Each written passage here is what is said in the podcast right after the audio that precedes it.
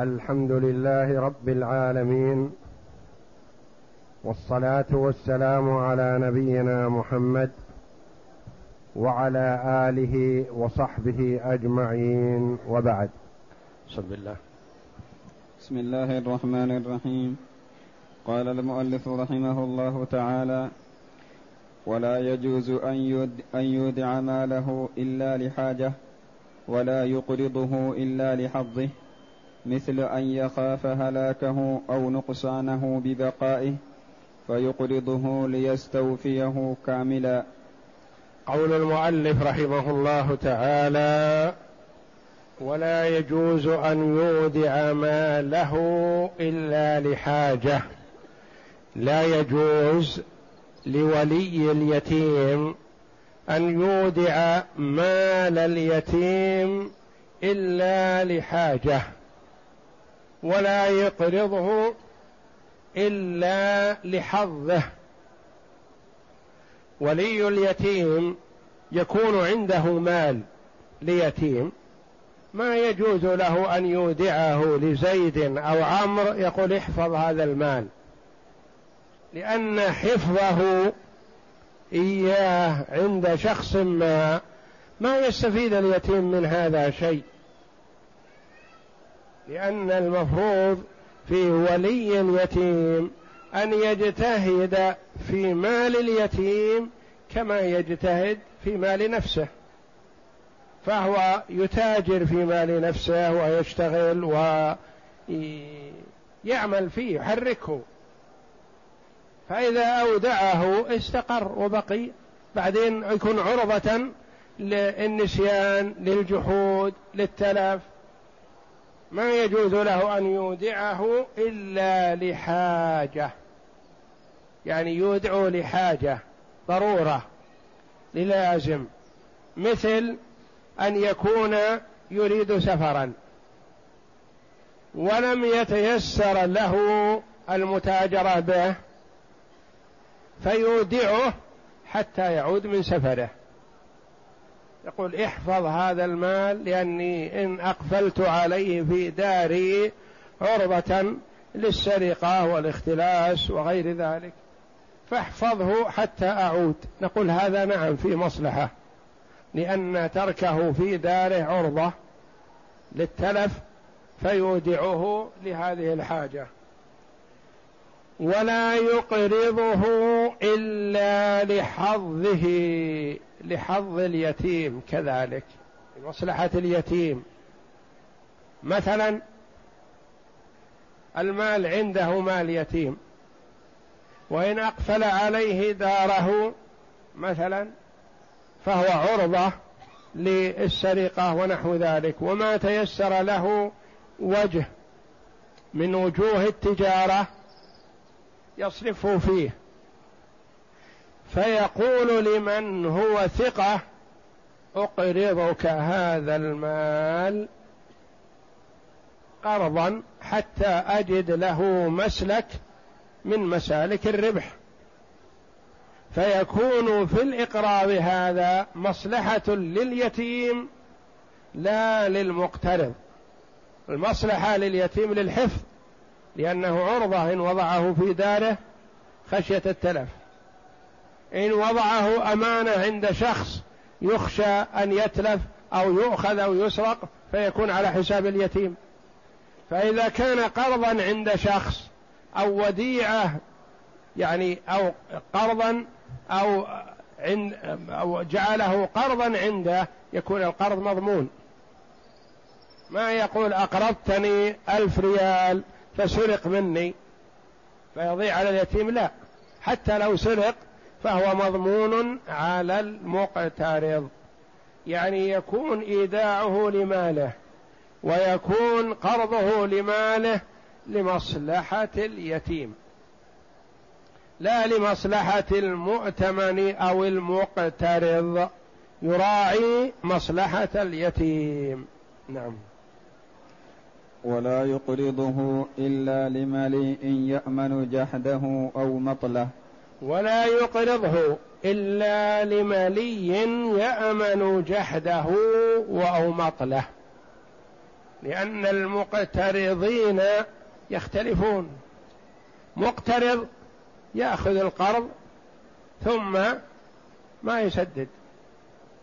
مقترض يأخذ القرض ثم يجحد.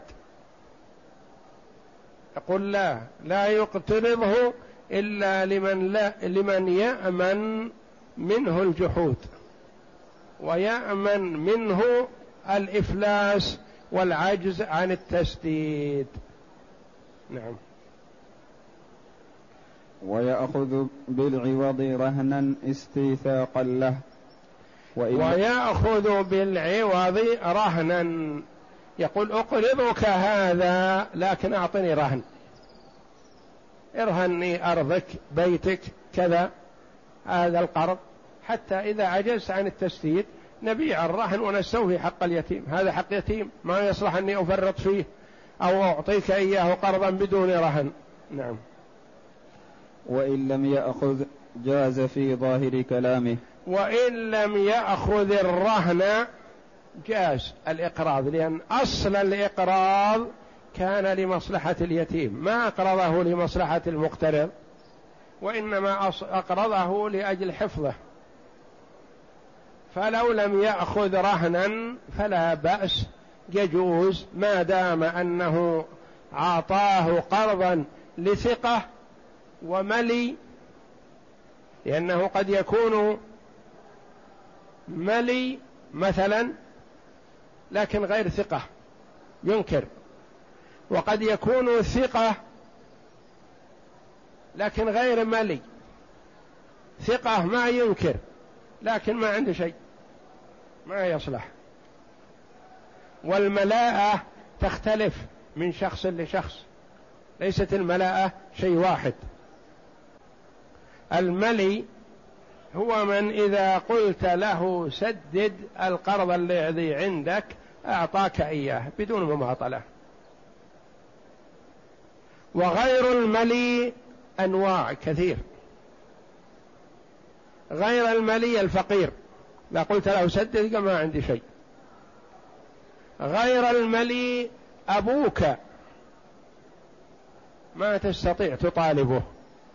لو واحد حولك على أبيك من حقك أن ترفض الحوالة لأنه حولك على غير ملي بالنسبة لك. تقول لا يا أخي. أنا أستحي من أبي وأبي ما أطالبه. وقد يكون أبي يتأخر علي في التسديد حولني على زيد أو عمرو.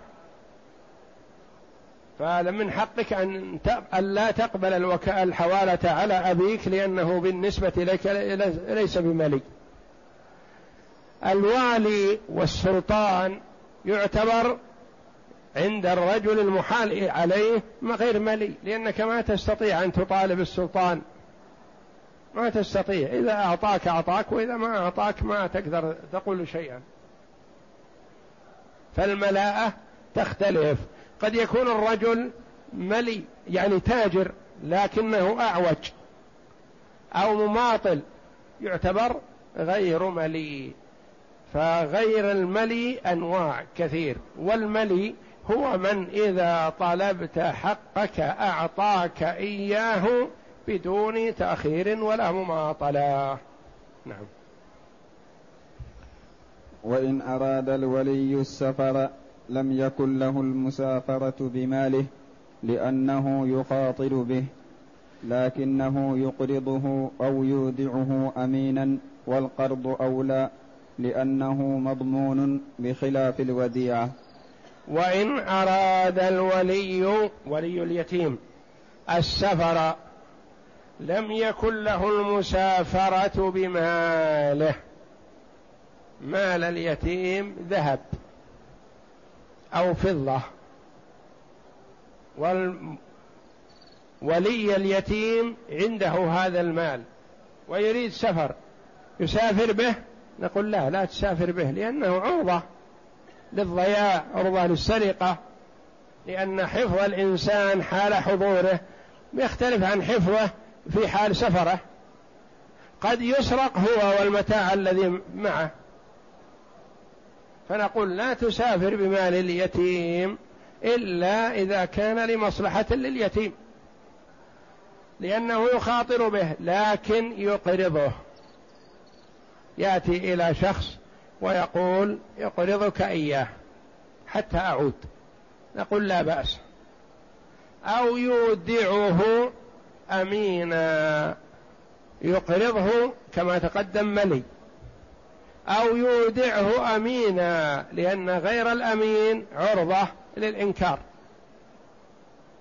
قال والقرض أولى. لما؟ لأن القرض مضمون. والوديعة غير مضمونة. من مصلحة صاحب المال أن يكون ماله عند زيد قرضا ولا يكون وديعة. لأنه إذا أقرضك شخص ما مالا. أخذت من هذا قرض ألف ريال ووضعته في صندوق يحفظ فيه مثل هذا المال. فسرق. وهو عندك قرض. ما الحكم؟ يسرق على من؟ يضيع على من؟ على المقترض. لأنه على حسابه. إذا أودعت هذا الألف عند ثقة ووضعه في حرز مثله ثم جاء أو جئت إليه بعد يوم أو يومين فوجدت المال قال المال سرق. يضيع على من؟ على المودع. المودع أمين ما يغرم. إذا حفظه في حرز مثله.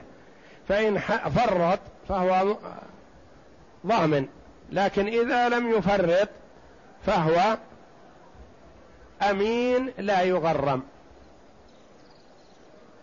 يقول عبد الله بن الزبير في الدين الذي على أبيه عند وفاته يقول كان الرجل يأتيه بالمال فيقول له هذا عندك وديعة.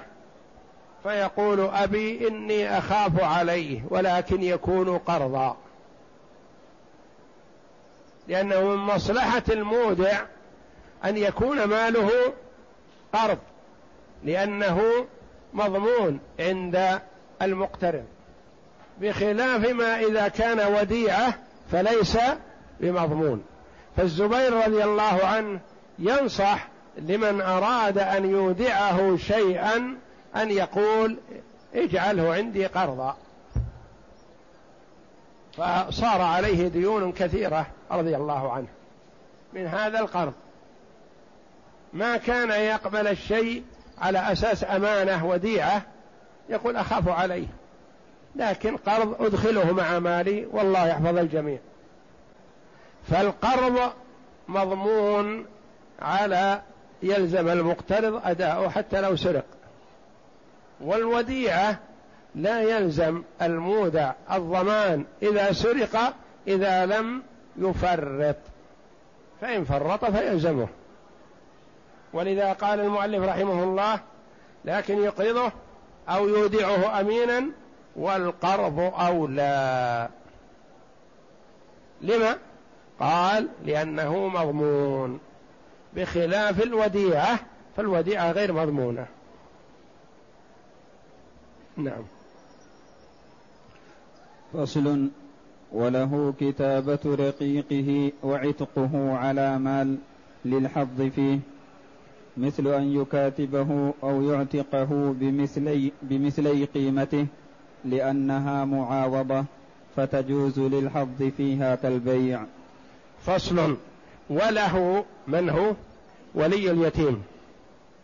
كتابة رقيقه وعتقه على مال للحظ فيه. ولي اليتيم ينظر في مصلحة اليتيم مثل ما ينظر في مصلحة نفسه وولده. اليتيم ورث رقيقا. من أبيه. اليتيم ما يستفيد من هذا الرقيق وليس في حاجة إليه لأن أباه كان محتاجا لهذا الرقيق لكون الأب كبير ويحتاج إلى إعانة فاشترى هذا الرقيق ليستخدمه في حاجاته. الأب مات صار الرقيق ملكا لليتيم. اليتيم ما يستفيد من هذا الرقيق ولا يظن فيه كسبا يشغله يشغله في أمور يبي يكون عالة على اليتيم يبي مصاريف ونفقة. فلولي اليتيم لمصلحة اليتيم أن يكاتب هذا الرقيق. يقول تعال أنت مال لهذا الغلام عندي والغلام ما يستفيد منك شيئا بقاؤك فيه وأنت تسعى لنفسك وتحرر نفسك بجهودك وعملك. أبيعك على نفسك بعشرة آلاف. سلمنا في كل شهر ألف أو مئة أو أقل أو أكثر يعني نجوما. من أجل أن هذا الرقيق يشتغل ويعمل ويتحرك لأنه يسعى في خلاص نفسه. أما إذا قيل اشتغل لحساب اليتيم ما اشتغل. ينام ويترك العمل. لكن إذا كان لمصلحته يهتم. فولي اليتيم ينظر في المصلحة. إذا كان في المصلحة في كتابة هذا الرقيق يكاتبه لمصلحة اليتيم. وله كتابة رقيقه وعتقه على مال. يقول مثلا الرقيق أنا أجد من يعطيني مال أشتري نفسي منك حالا بدون مكاتبة.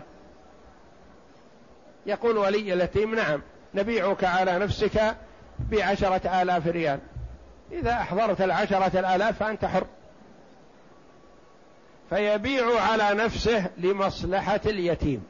إذا كانت المصلحة تعود على اليتيم إما لكثرة القيمة. يقول مثلا هذا الرقيق أنا أجد من يعطيني مئة ألف وهو لا يساوي إلا خمسين ألف. مثلا يقول أجد من يعطيني مئة ألف أشتري نفسي منك يا سيدي أو يا ولي اليتيم الذي هو سيدي. فيشتري الرقيق نفسه من ولي اليتيم بأكثر من قيمته المعتادة. فولي اليتيم يبيعه. يقول هذه غنيمة.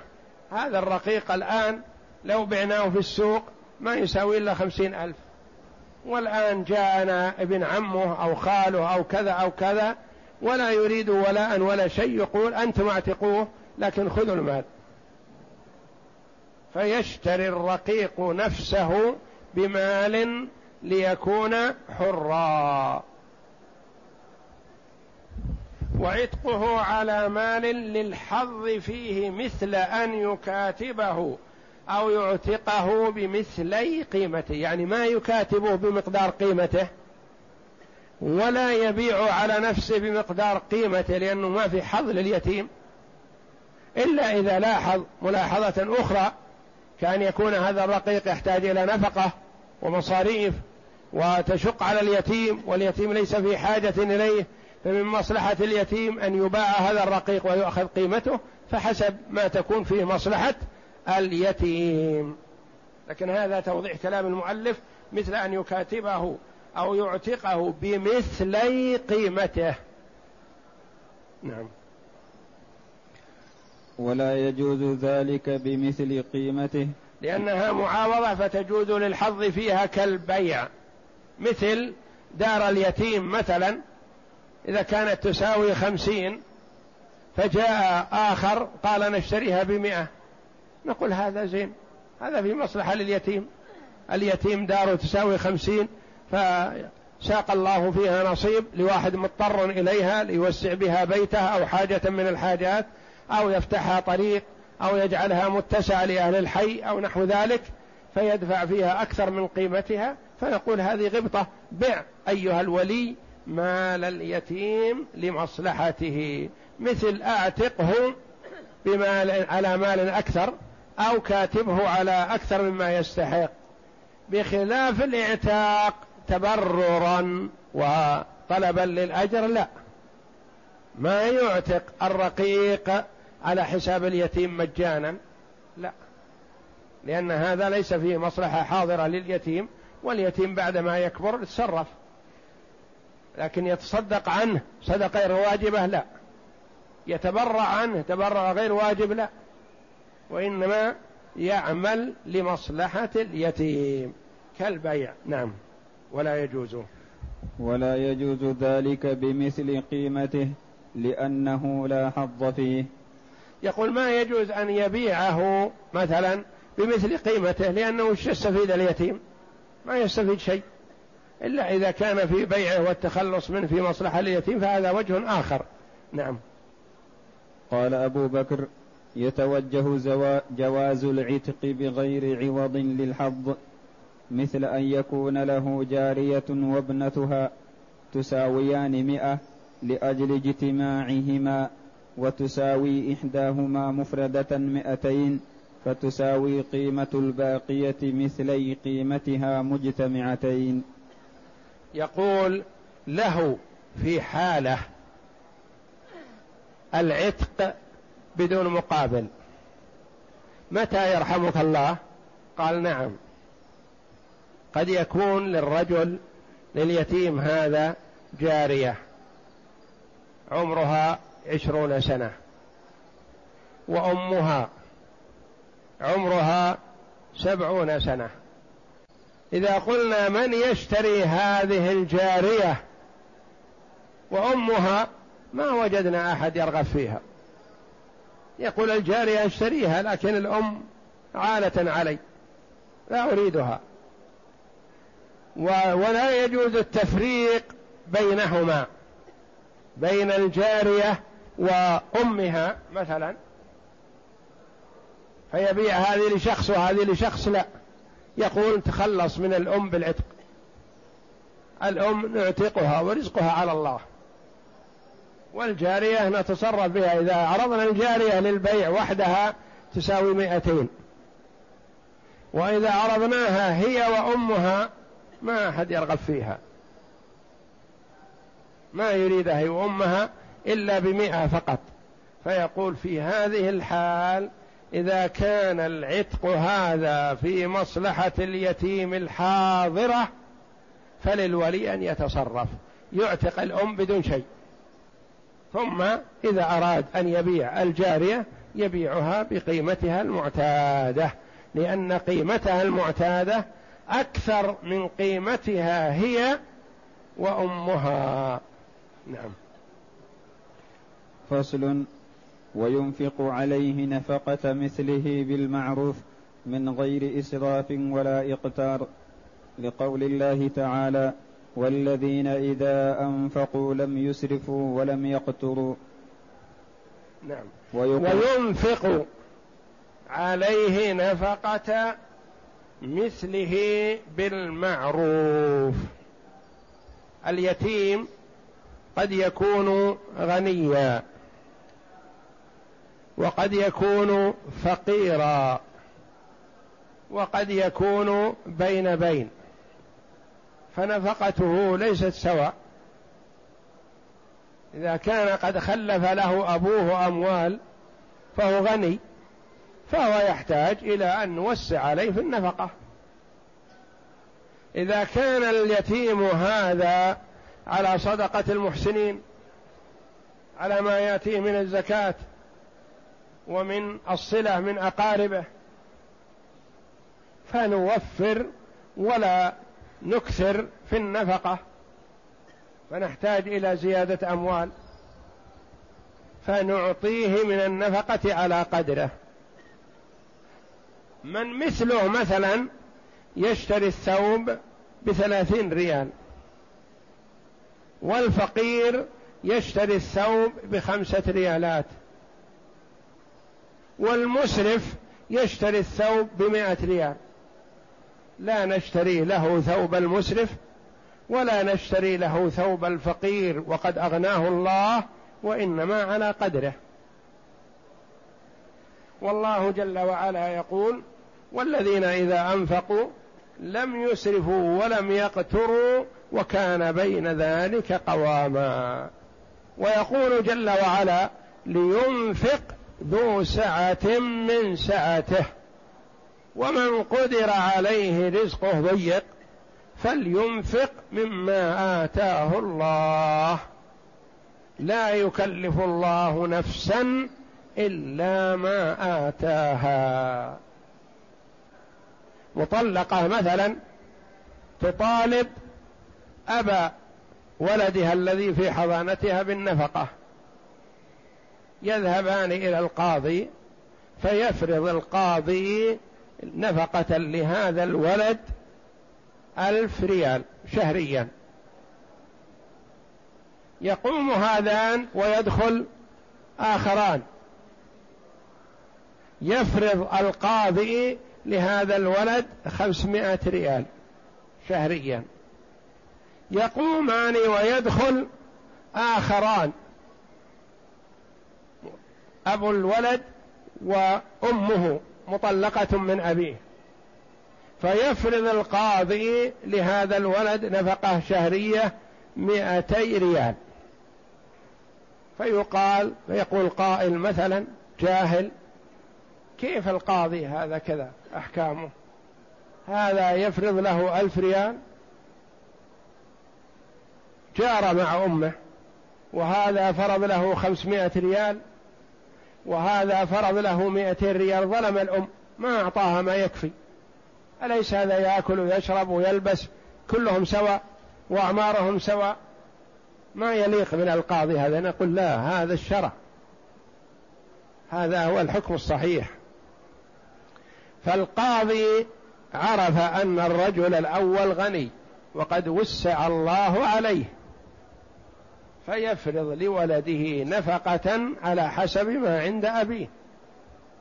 والثاني وسط فيفرض القاضي على الأب نفقة حسب حاله.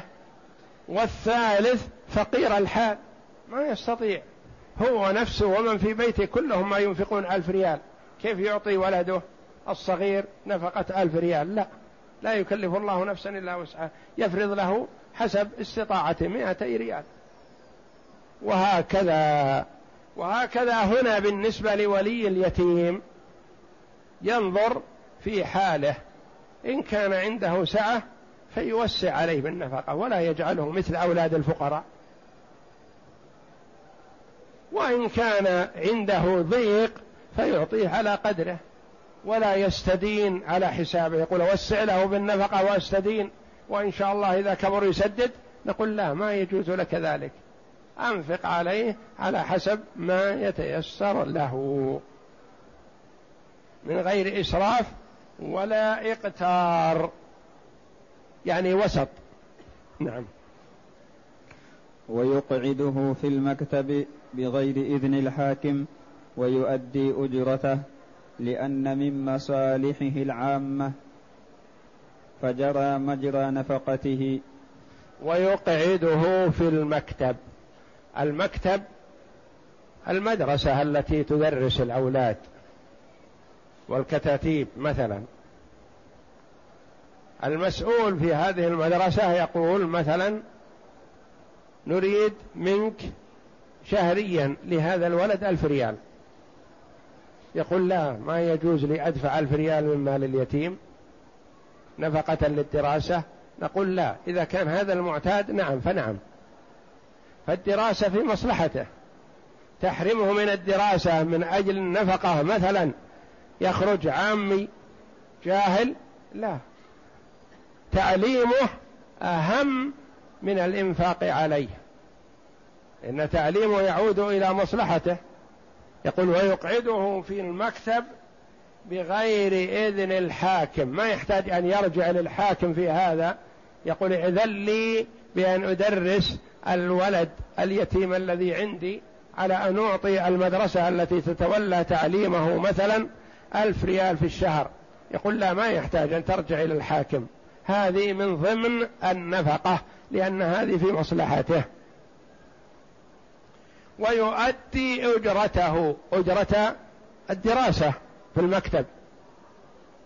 لأن من مصالحه الع... لأنه من مصالح العامة فجرى مجرى نفقته. يعني مثل ما إنك تنفق عليه طعام وشراب ولباس وسكن أنفق عليه في الدراسة بشيء معقول. ويشتري له الأضحية إن كان موسرا لأن فيه توسعة للنفقة عليه في يوم جرت العادة بها وتطييبا لقلبه فجرى مجرى رفيع الثياب رقيع الثياب. لمن؟ رفيع الثياب. لمن فجرى مجرى رفيع الثياب لمن عادته ذلك. نعم. ولي اليتيم يشتري الأضحية لليتيم. ويضحي عنه. ويقول لليتيم هذه أضحيتك. انتبه لها لا تخرج. انتبه لها. تعال احضر ذبحها. ينبسط ويسر. في هذا إدخال السرور على اليتيم. هذه الأضحية لا تضيع مال لليتيم. وهذه تصلح للكبار الذين يطلبون الأجر. اليتيم قلتم لا يجوز أن يتصدق عنه تطوع. نقول نعم لا يتصدق عنه تطوع. لكن هذه ليست صدقة تطوع. هذه فيها توسعة على اليتيم وإدخال للسرور عليه ورفع لمعنويته مثل ما نحن قلنا إنه يشترى له الثوب المعتاد لأمثاله. إذا كان الفقراء يشتري ثوب بخمسة ريالات والغني المعتدل بثلاثين ريال والمسرف بمائة ريال. نقول نشتري لليتيم ما دام غني ثوب بثلاثين ريال ولا نشتري له بخمسة ريالات نجعله في صف الفقراء. وقد وسع الله عليه. كذلك في الأضحية هذه فيها إدخال للسرور عليه وجبر لخاطره وتوسعة عليه. نقول هذه أضحيتك هذه أضحية لك يا فلان انتبه لها.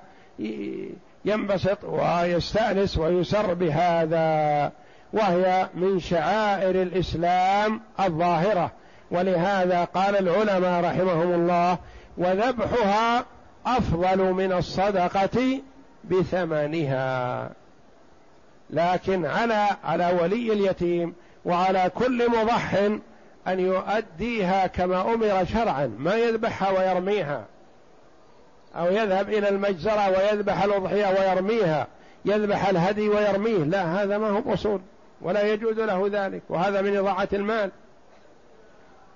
اذبحها واسلخها وقطعها وكل ما تريد وأعطي ما زاد عن حاجتك للفقراء والمساكين يفرحون بها. لكن الفقير المسكين إذا وجد الخروف مثلا مذبوح ومرمي في الأرض ما يأخذه. يكون عنده عزة نفس يأخذ من الأرض من الحفرة. لا. وإنما إذا ذبحته وهيأته وسلمته له يفرح به. فبعض الناس يقول الأضحية ضائعة أو الهدي ضايع. لا. الناس أضاعوها بسوء تصرفهم. وإلا فهي شعيرة من شعائر الإسلام الظاهرة. ينشأ عليها الصغار ويتعلمون عليها ويسرون بها ويأكلون ويتصدقون ويهدون وهكذا. فيعلم الصغار على أن الأضحية من أجل أن نأكل ونهدي ونتصدق نعطي الجيران الأغنياء نعطي الجيران الفقراء نعطي الأقارب فقيرا كان أو غنيا وهكذا. يكون لها مظهر طيب ومظهر إسلامي حسن. بخلاف ما يفعله كثير من الناس يقول الناس ليس في حاجة إلى اللحم يذبح ويرميها هذا جهل. ثم يأتي الآخر وينتقد هذه الشعيرة من شعائر الإسلام لا هذا لسوء تصرف الناس. وإلا فهي شعيرة حسنة فيها مواساة وفيها توحيد لله جل وعلا بإراقة الدم على اسمه. أفضل ما فعل الحاج العج والثج. العج رفع الصوت بالتلبية والثج الذي هو الذبح والنحر لوجه الله تعالى. فولي اليتيم إذا اشترى له ضحية يكون هذا من باب جبر خاطره وإناسه وإدخول السرور عليه. والله أعلم. وصلى الله وسلم وبارك على عبد ورسول نبينا محمد وعلى آله وصحبه أجمعين.